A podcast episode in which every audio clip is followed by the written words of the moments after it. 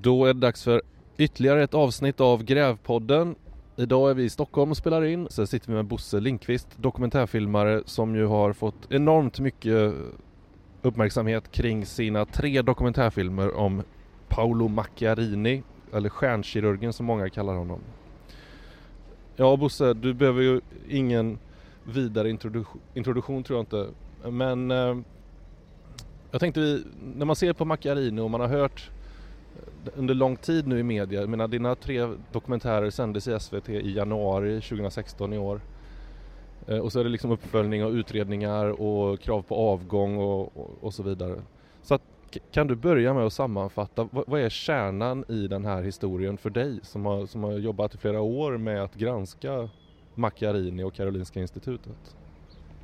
Ja precis, ett och ett halvt år har vi jobbat med det och eh, det är lite svårt att säga vilken som är, som är, är den enda kärnan. Det är ju flera kärnor egentligen. Dels så är det att, eh, att det finns fusk inom vetenskap, att det måste stoppas. Och sen är det att patienter eh, har utnyttjats som försöksdjur, som mänskliga försöksdjur. Det är egentligen två olika saker men, men eh, lika extremt viktiga och, och, och, det är väl kärnan. Sen så har vi, tror jag att vi, via de här exemplen så har det visat sig att det är mycket djupare mekanismer och komplexa skeenden som, som vi har berört. Jag gissar att det är därför som det varit sånt genomslag. Det är inte bara de här två huvudgrejerna liksom. Okej, om vi börjar då med arbetet kring de här tre eh, programmen som sändes i Dokument inifrån i Sveriges Television i januari. Hur kommer det sig att du intresserar dig för den här personen, Paolo Macchiarini? Alltså, jag var helt ointresserad av honom från början utan vad det handlade om var att fyra överläkare vid Karolinska sjukhuset hade anmält en kollega för forskningsfusk och för vållande, i princip vållande av eh, annans död, patienters död. Och eh, sjukhusledningen och ledningen för Karolinska institutet hade försökt stoppa de här anmälarna snarare då än den som de anmälde. Och det var det som intresserade mig. Alltså vad är det för, problem, vad är för fel här inom sjukhuset och institutet som, som gör att när så här allvarliga anklagelser kommer fram så försöker man stoppa det. Det kunde ju varit så då att de här fyra överläkarna var galna och att eh, de eh, helt orättvist anklagade andra. Men det kunde också vara så att institutet och sjukhuset att man var riktigt rejält skumt och fel och uh, illa på så hög nivå inom en så viktig del av, av det svenska medicinska etablissemanget. Så fyra whistleblowers, hör de av sig till dig eller hur får du tag i deras story? Nej det gjorde de inte, utan, men den fanns faktiskt fritt tillgänglig. Utan den, de hade då gått hela den interna vägen i tysthet på institutet och sjukhuset, ingenting kommer ut. Eh, ända tills på något sätt fick New York Times reda på det hela och skrev i november 2014. Då blev det liv och då eh, tillsatte Karolinska institutet en extern utredare och på något sätt så läcktes deras anmälan till en sajt på nätet som heter Retraction Watch som just granskar forskningsfusk. Och i och med att den var läckt dit så fanns den plötsligt tillgänglig för alla som ville och, ville och kunde läsa. Och där stod väldigt, väldigt mycket av det som nu de flesta av oss känner till. Har du kontakt med de fyra visselblåsarna idag? Absolut. Hur ser de på ditt avslöjande och din granskning? Nej, men det var så krasst att de, de riskerade sina jobb, sina karriärer, sina forskningsanslag och sina anseenden.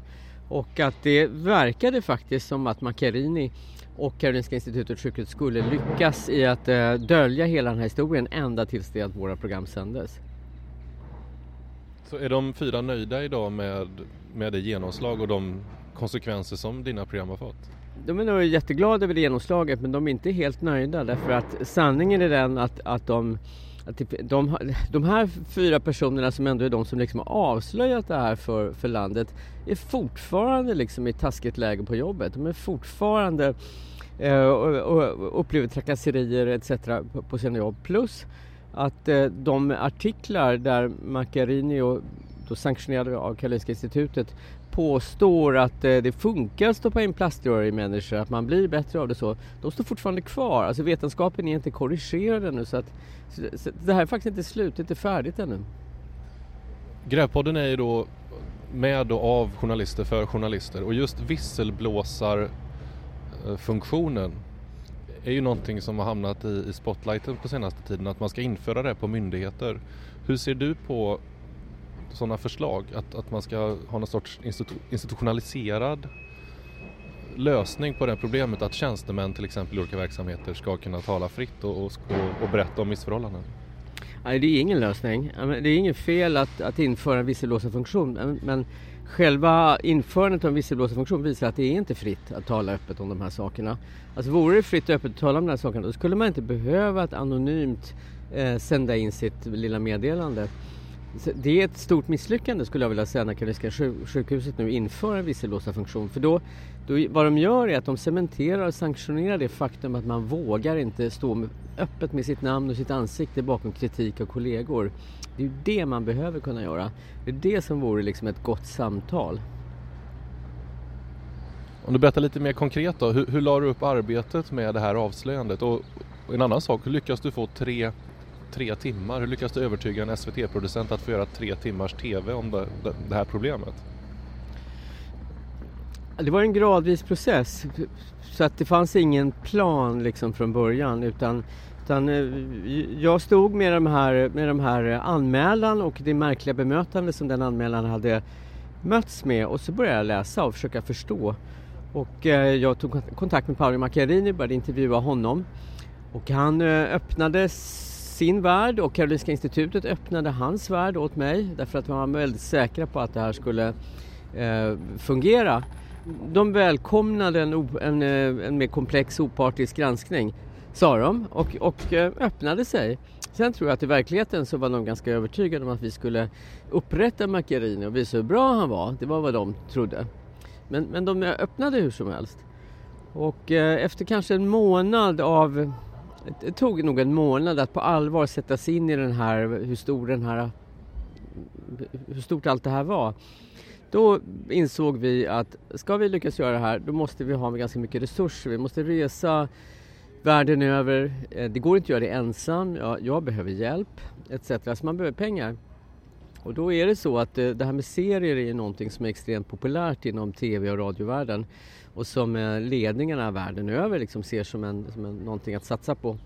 Så att då kunde vi så att säga lägga fram det, pitcha det som ett förslag att vi gör en serie eh, på, på det här ämnet och då därmed får plötsligt tre gånger så mycket. Tre program blir tre gånger så mycket som ett program. Resurser som vi då kan fördela på det här. Å andra sidan då så har man en eh, fixerad deadline. Man måste leverera väldigt, väldigt exakt och det måste bli bra för att annars har man ju liksom blåst det till nästa gång. Men ni har bilder från ett tyskt tv-team. Eh, det finns pressbilder på dig när du står i operationssalen med kirurg-outfit. Du kommer väldigt nära.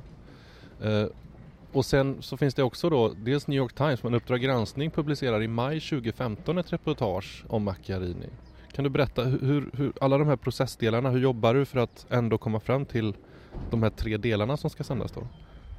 Alltså det är ju väldigt mycket som att, att rida barbacka på en häst man inte känner och man vet inte vart färden kommer sluta utan man måste improvisera mm, mm, ut, ut, ut med vägens gång så att säga. Så att, i och med att portar öppnades, i och med att Access eh, blev större, eh, att, att, vi he, fick tag på arkivmaterial som var helt osannolikt etc. Att vi fick de här större summan pengar som gjorde att vi kunde bli en redaktion på med Eh, tre till reportrar som kunde jobba eh, under ett antal månader eh, etc. etc. Så var det ju möjligt liksom att gå djupare och vidare hela tiden. Och eh, vi kämpade då mot ett antal eh, konkurrenter och deadlines, Uppdrag granskning till exempel som ju fanns med från början. Och, eh, så att vi hade det hela tiden med som en del i det hela, att de kunde komma före. Vi hade en lång tid, vi hade ett år skulle det ta för oss. De jobbar mycket kortare, för att inte tala om nyhetsjournalister som jobbar ändå kortare. Så att, eh, så att ja, det kunde liksom, det till och med var sannolikt att när, när, vi väl sände, då var det här gammal skåpmat och det vi kunde göra var att ge en, en resumé och en historisk genomgång av någonting som alla redan kände till. Eh, det, var den, alltså det fick vi ha som plan plan A nästan hela tiden. Men sen så hände det olika saker. Dels var det ju så att Uppdrag granskning liksom ett bra program men de, de, ehm, det var ju extremt mycket som var kvar när de hade sänt sitt program. Att, att, eh, att visa till exempel hela den ryska delen och vad som hade hänt och, och faktiskt bevisa vad som hade ägt rum inne i struparna på de här patienterna. Och sen så gjorde Karolinska det fullständigt otippade då i augusti att Karolinska frikände Macchiarini 100 procent. Så Uppdrag granskning sänds i maj. Det är Ja. Yvonne Åstrand som många känner igen kanske som rapportankare som gör ett 32 minuter långt reportage tror jag det är. Och sen kommer Karolinska i augusti. Just det. Så kommer Karolinska i augusti och rektor frikänner Macchiarini fullständigt från alla anklagelser. Och då hade ju, i och med det så ökade insatserna väsentligt därför att å ena sidan så kunde vi bevisa det vi började misstänka att vi skulle kunna bevisa så skulle det vara en jätteskandal helt enkelt. Å andra sidan eh, så hade vi nu verkligen hela Karolinska institutet mot oss. Alltså så vi måste, vi måste verkligen eh, vi, vi måste välta berg snarare än bara Macchiarini. Men fick du fortsatt access även efter att Uppdrag granskning hade varit där och, och gjort sin, sin granskning? Alltså, Det var ju så att Uppdrag granskning var ett problem för oss därför att Macchiarini helt förståeligt kunde inte förstå hur ett och samma programbolag kunde granska honom på så olika sätt. Han uppfattar ju oss som samma företag, Uppdrag granskning och Dokument inifrån. Och så när Uppdrag granskning begärde ut hela hans e-mailkorrespondens och liksom på olika sätt och vis då, då tänkte han ju att han är ju sviken. Jag går och lurar honom. Jag påstår att jag vill förstå, att jag, eh, att jag lyssnar på hans version och sådär. Och så bakom ryggen så går mina medarbetare eller mina kollegor och, och snokar i hans privata brev. Eh, tänkte han. Så att, så att vi hade ett antal förtroendekriser kring det här. Hur fungerar det på SVT när två redaktioner, två tunga redaktioner, Uppdrag granskning och Dokument inifrån, granskar samma, samma verksamhet? Det låter ju som att det är upp, upplagt för konflikt. Ja, jag vet inte om det är konflikt, men det är konkurrens hur som helst. Och, eh, men jag menar, det är som det är, det är två olika program och ibland har vi samma intresse helt enkelt. Och då, det är klart att det kan bli lite konkurrens då. Men hur hanterar du det då? Det är ju inte så mycket konkurrera, att, att, att hantera därför att de, de gör ju sitt reportage och, vi, och vi, vi, vi gör våra dokumentärer och sen kan ju bara slutresultatet visa hur, hur bra eller dåligt man, man eh, och hur väl man lyckades. Det här är Grävpodden alltså, idag med Bosse Lindqvist som många känner igen efter eh, hans tre dokumentärer om stjärnkirurgen Paolo Macchiarini. Efter dina tre program i januari i år så har man sett och hört dig i mängder med sammanhang kommentera det här. Tycker du att vi journalister borde bli bättre på att på något sätt ta ansvar för våra publiceringar och ställa upp i en rad olika sammanhang och nästan bli aktivist?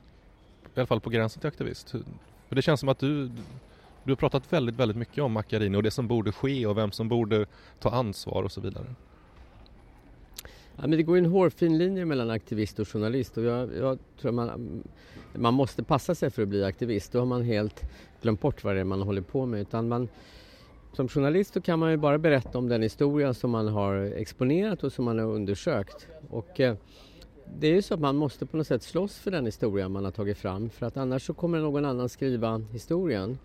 Från, redan från dag ett efter att de här programmen var sända så började olika aktörer försöka omformulera det som var sagt och försöka få det hela till att någonting annat hade hänt. Det pågår fortfarande. Lars Leijonborg gjorde ett nytt försök i Dagens Nyheter för någon vecka sedan till att just eh, ta, ha det här tolkningsföreträdet av vad som egentligen har hänt. Så jag tror- Vilken, vilken roll har han bara? Ja, Lars Leijonborg eh, är avgående ordförande för konsistoriet på Karolinska institutet, alltså Karolinska institutets styrelse. Det är de som styr egentligen på Karolinska institutet. Så att det, jag tror att det handlar om att, att eh, försvara det man har sagt och att, att eh, in- inskärpa det man faktiskt har berättat och visat snarare än att man liksom blir politiker eller någonting sånt. Utan man, man är snarare trogen den historia som man har försökt berätta. Men hur, hur långt sträcker sig ditt engagemang då? Vill man att, man ska, vill man att insikt ska nås så, så, så får man väl slåss lite för det. Sen, sen är det ju ärligt talat så att det är inte jag som liksom ber om alla de här intervjuerna utan det är folk som, som, eh, be, be, menar, som kommer och, och frågar om jag, vill bli, om jag vill svara på frågor. Jo men du sitter gärna i Studio 1 när Lars Leijonborg får kritik. Alltså du, du, du är väldigt behjälplig andra journalister som håller på med sina granskningar. Du ställer upp i kvällstidningarna och så vidare. Fast det är ju inte för att vara behjälplig, det är ju därför att Lars Leijonborg ljuger. Och eh, det känns inte okej att han ska stå oemotsagd. Tycker du att andra dokumentärfilmare eller grävande journalister borde vara mer aktiva som du där? Nej men om man, det, om, om man, om man om man menar att, att, äh, att, att lögner, att, att, att, att lögner äh, om man ser lögner spridas så får man ju välja.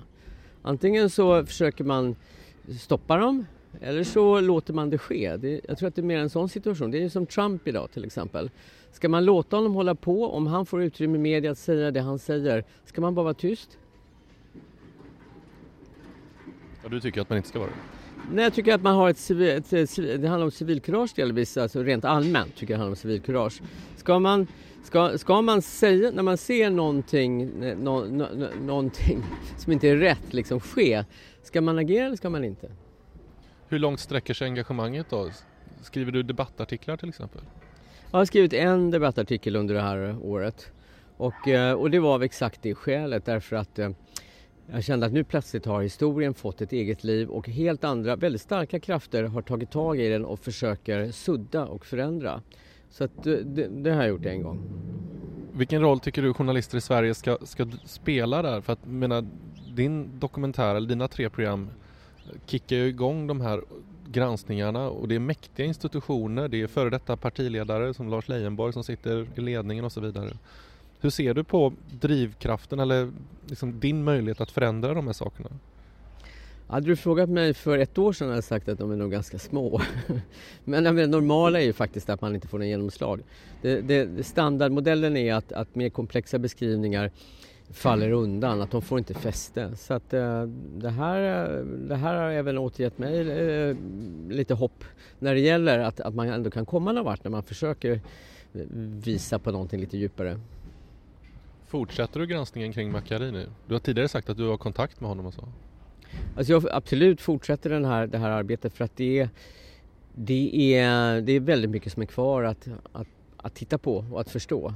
Så att, och för, som vadå?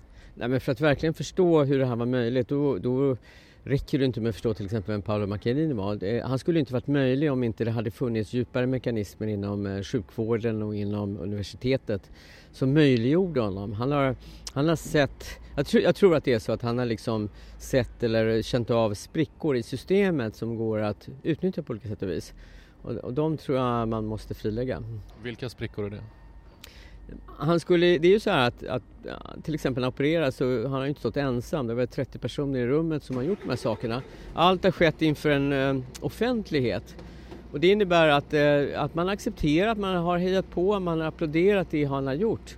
Och det är ju inga dumhuvuden de här människorna. Så att, så att, eh, där, där försöker jag finna svar på hur, hur, det här, eh, hur det här går till och hur det kommer sig att man försvarar honom så extremt länge trots så stark bevisning. Men han, alltså, han har jobbat där sedan 2010. Under sex års tid är han anställd och verksam vid Karolinska institutet. Så att är, det, är det hela vägen då från anställningsprocessen till så att säga, de aktiviteter som han sedan utför? Jag tycker det mest allvarliga är från 2014 och, fram sent 2013 när det faktiskt började komma ut hur, hur det hade egentligen gått för de här patienterna på sjukhuset. Det, det, var ju så att det var svårare att bedöma vad som egentligen hade hänt, eller hade inte hänt från början. Det är ju liksom, men, men när väl den här informationen började ligga på bordet då, eh, eh, då händer ju något. Hur kommer det sig att det, att det här sopas under mattan? Ja, det här är alltså Grävpodden. Vi pratar med Bosse Lindqvist som har gjort eh, tv-dokumentärerna, tre stycken, om stjärnkirurgen Paolo Macchiarini. Hur kommer det sig att du som dokumentärfilmare avslöjar det här och inte någon av de så kallade vetenskapsjournalisterna? Det blir en jättebra fråga och eh, jag har inget riktigt bra svar. Jag kan bara konstatera att, att det hade gjorts dokumentärfilmer om Paolo Macchiarini. Eh, NBC hade gjort dokumentärer, BBC, Arte. Så högkvalitativa dokumentärer har skrivits massor, massor, massor, massor om Macchiarini, massor med nyhetsinslag. Och eh, alltihopa var antingen hyllande eller så var det extremt vetenskapspositivistiskt hur häftigt det är med de här nya stamcellerna, nya plasten och bla bla. Och det är klart att jag blir lite förvånad. Det här är ändå journalister som har det här som specialområde och som dessutom kanske har utbildning i de här frågorna. Och ändå så är det så lite ifrågasättande. Hur kommer det sig? Men fanns det även svenska journalister då som gjorde de här mer devota intervjuerna av honom innan, innan dina program sändes? Alltså det fanns svenska journalister som gjorde sådana här vetenskapspositivistiska eh, inslag om, om Macchiarini väldigt tydligt. Och, och, och, jag vet att det fanns folk som undrade här liksom, i det tysta som undrade över hur det egentligen var. Men, men det syntes inte i rapporteringen. Man brukar säga om eh, sportens värld att sportjournalister alltför sällan avslöjar fusk och dopning och sånt. Är det, är det samma problematik inom, inom vetenskapen? Alltså man börjar undra om det kanske, kanske är så. Man tittar på vetenskapssidor i, i, mer, i pressen eller i TV så är det ju väldigt ofta faktiskt om hur häftigt vetenskap är. Och, och vetenskap är väldigt häftigt, jag håller verkligen med. Men, men man kan ju tycka att de som faktiskt är specialinsatta i de här ämnena också borde granska mer. The Economist hade, eh, gjorde en undersökning för ett par år sedan som visade att ungefär 80 procent av alla vetenskapliga data går inte att reproducera. Vilket ju är skandalöst. Alltså det, det tyder på faktiskt dålig vetenskap. Och vad innebär det att det inte går att reproducera? Det betyder att ett experiment som påstås ha mm, visat vissa saker inte går att återupprepa av oberoende andra äh, vetenskapsmän. Så man kan inte kolla om, fakta, om det är fakta, om, om uppgifterna stämmer eller ej. Och om de inte går att återupprepa så är det mycket som tyder på att det inte stämmer det som är publicerat. För grävande journalister så är ju eh, ett mantra nästan, follow the money. Är det den sortens journalistik man borde se mer av i den vetenskapliga världen? Nu tror inte jag att det är pengar enbart som driver det här och om man ser på Macchiarini så absolut fanns det pengar med i bilden, det är ingen tvekan. Men det är också helt andra drivkrafter till varför det blev som det blev. Så att, eh, mm, nej men jag tror att det handlar om att ha ett kritiskt öga och att eh, eh, kanske inte vara fullt så respektfull mot, mot den man porträtterar. För det är ofta man ser tv-inslag om att nu kommer det ett nytt vaccin eller nu ska den här cancerformen botas. Är det den sortens journalistik som man borde förändra? Man borde, man borde väl överhuvudtaget granska på ett mer seriöst sätt vad, vad som sker inom vetenskapen. Vad, vad, vilka, vilka nya fakta stämmer verkligen? Vart är man på väg? Finns det andra krafter som påverkar vad som publiceras eller inte publiceras till exempel? Eh, det, det, alla vill ju, det blir ju lätt att, att vetenskapsmän annars använder media som en megafon för att skaffa sig ett bra rykte, få ny, ökade anslag etc. Om man inte liksom kritiskt undersöker vad som publiceras och sägs. Och du menar att vetenskapsjournalister är en del utav det? De är en del av det och precis som jag tror du själv har sagt det om, om sportjournalister till exempel och sportjournalister som väldigt sällan eh, gör, gör mer liksom, eh, opartisk granskning av vad sport är för någonting. Och det gäller väl kanske väldigt många områden inom journalistik. Nu råkar vetenskap vara ett ganska viktigt område så det är kanske lite extra viktigt att man, att man just där förhåller sig mer kritiskt till det man rapporterar om. Vad har du fått för respons på dina avslöjanden efter programmet sändes från vetenskapsjournalister? Nej, de är jätteintresserade. Jag har en rad av de fram, liksom framträdanden eller intervjuer de har gjort har, har gällt just det. Så, att, så det är ingen tvekan, de är extremt intresserade och, och jag tror de frågar sig själva också hur kommer sig att det inte, att det inte var vi? Vi som, har gransk, vi som har följt de här händelserna i åratal, var, varför var det inte vi? Så.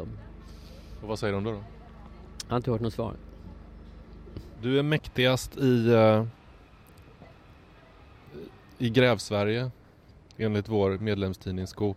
Stämmer det eller? Nej det tror jag inte. Men det här stämmer väl efter det här enorma genomslaget? Du har en enorm makt.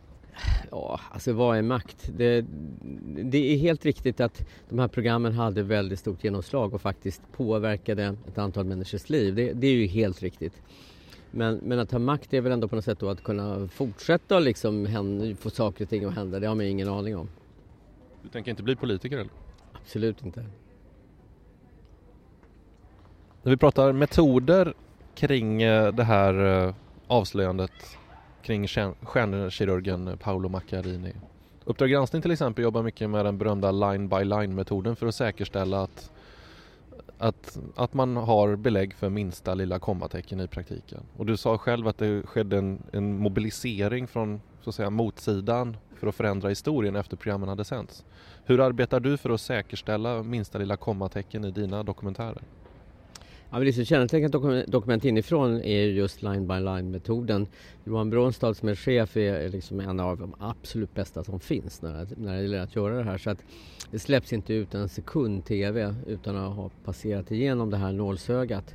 Och här har ju vi varit ett helt gäng som har jobbat med det förutom Johan, med Anna Nordbeck och Johannes Hallbom Jakob Larsson som var tre reportrar som jobbade här sista halvåret var ju helt instrumentala. Men utan deras enorma jobb så, så hade det här eh, liksom inte fungerat. Så att vi har haft en sån här ah, ömsesidig också koll hela tiden med järnöga på att, verkligen allting ska stämma. Och stämmer inte så är ju risken att man raserat hela det arbete som man har gjort.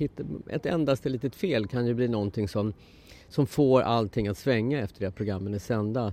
Att eh, den man har försökt liksom exponera kan visa att ja, men ni, titta här, ni då, vad ni, det här är ju fel. Liksom. Så det, är, det, det är gnetigt men, men det är extremt viktigt. Men hur sker de processerna? Alltså hur, hur sker avstämningen då om ni är flera personer inblandade? I det här fallet så, så hade vi sån tur så att vi hade Anna och Jakob och Johannes förutom Johan och, och, och andra. Så till exempel Jakob gjorde en väldigt stor del av researchen. Så att han blev liksom vår han blev vårt överjag bitvis där va, med total koll på faktadatabasen. Så att vi, vi delvis skickade saker på remiss till Jakob och sa stämmer det här verkligen? Liksom? Kan du, har vi rätt och sådär? Och så kollade han sina olika källor. Och man ska ju helst ha minst två oberoende källor som verifierar någonting man har sagt. Så det var ett ganska, ganska stort, eh, stort och eh, gemensamt arbete som vi höll på med. Väldigt öppet. Det gäller att vara transparent när man gör sånt här och inte sitta och vaka på sina små grejer utan man måste vara beredd att visa vad man har gjort och hur man kan belägga det. För det finns ju alla möjliga riskmoment här med prestige, kanske, inte vet jag, gamla konflikter som kommer upp till ytan och sen så kliver ansvarig utgivare in som verkligen vill säkerställa att varenda kommatecken stämmer. Hur, hur tidigt börjar du involvera till exempel ansvarig utgivare och dubbelkolla saker med en researcher? Alltså det är ju en intim kontakt hela vägen lång och väldigt mycket bygger ju på förtroende. Men det man inte kommer ifrån det måste ju vara att man vid någon tidpunkt faktiskt kan bevisa att det här har jag från de här olika källorna och det, det här motsäger det jag har sagt. Men jag kan å andra sidan visa ditten och datten. Så att jag tror nog egentligen så är det en dialog som har försiggått under hela det här arbetets gång och som sen då intensifieras i slutfasen. För att man vet med TV så är det ju så att man man vet inte vad helheten kommer säga förrän den är sammanklippt. Risken är ju annars att man enskilda fakta, att, att när de läggs bredvid varandra så upp två plus två blir tre liksom. Och därför så måste man göra de här faktakollarna ända in i sändningsögonblicket tills liksom sista klippet är gjort och man verkligen vet vad som kommer ut. Så att det är en, det är en ehm, ja, ganska lång process. Var det några kill your darlings innan det sändes? Hur många som helst. Vilka då? Nej men det är ju, vi har ju ett sak man kan inte riktigt berätta om allting offentligt då heller därför att Dels kan det ju vara sånt som um, man inte är säker på därför att man har inte verifierat. Man, man tror att det är sant men man kan inte bevisa det. Och sen så, eh, ja, och sen så är det ju väldigt, väldigt mycket förtroenden också. Det är väldigt mycket eh, som kommer från anonyma källor, som, eh, alltså utåt anonyma källor som man måste skydda och bevaka på olika sätt. Och man, där man verkligen får väga på guldvåg vad man sen kan offentliggöra. Men sitter du på mycket, många fler tips kring verksamheten? Absolut, och det har, kommit enormt många tips sen sändning. Det är hundratals faktiskt med ganska initierade tips som har kommit. Så att, um, från Karolinska just? Från Karolinska, från uh, andra uh, universitet i Sverige, andra sjukhus i Sverige och från helt andra håll också. Det har verkligen, verkligen, verkligen äh, drösat in. Mm. Vad gör ni med de tipsen? Några kan vi gå vidare på, uh, några har jag lämnat vidare till, till andra, till Uppdrag granskning till exempel. Eh, och, ehm, och så finns det ganska många som man inte kan göra någonting med. Därför att, och, det, och det betyder inte att, de inte att det är fel på de tipsen utan det, det kan vara i många fall riktiga missförhållanden. Det är bara det att de funkar inte att göra en eller tre timmar TV på till exempel. Hur, hur riktiga de än är för att det är en annan typ av historia eller så. Det är, det är lite hårt, det finns liksom ingenstans att lämna dem. Det här är ett uh, avslöjande som har fått uh, internationell uppmärksamhet. När kommer boken? Uh, ja, det kanske kommer en bok men, men det kommer ju dröja. Bokskrivande tar tid så att, jag vet inte ännu. Det här är Grävpodden. Vi ska avsluta alldeles strax med Bosse Lindqvist eh, från Stjärnkirurgen. Eh, sista frågan Bosse. Det har varit ett bra år för avslöjanden. Det har varit eh, som sagt dina tre dokumentärer. Det har varit Panama Papers. Vad tror du? Kommer du vinna Guldspaden? Ingen aning, så mycket har jag lärt mig att det, det, det finns jättestarka konkurrenter, man har ingen aning vem som vinner. Men det är ju roligt att ha starka konkurrenter. Det är mycket roligare när någon duktig person vinner istället för en själv än om det är någon man inte respekterar. Så att, eh, det är kul att det är bra, starka konkurrenter. Vad betyder journalistpris egentligen? Eh, kan man tävla i journalistik? Eller vad, vad, menar, du har varit med ett tag, vad, vad har det för, liksom, för betydelse? Nej, man, alltså, man kan ju inte riktigt tävla därför att hur, hur avgör man vad som är liksom bäst? Det är ju, det är ju, så, det är ju jättesvårt. Man kan, man kan säga att ja, det där är ett väldigt bra program eller en väldigt bra artikel men bäst är liksom men sen är det klart att det har en betydelse om man vinner eller ej därför att det, det kan ge ökade stora, större arbetsmöjligheter till exempel. Eh, och det kan eh, vara väldigt kul också att få ett pris. Så det kan ju vara liksom bra för, för, för en själv. Väldigt roligt för arbetsmoral och väldigt kul beroende på vad man är i karriären. Och så kan, ja, kan betyda ganska mycket. Mm. Tack så mycket. Tack själv.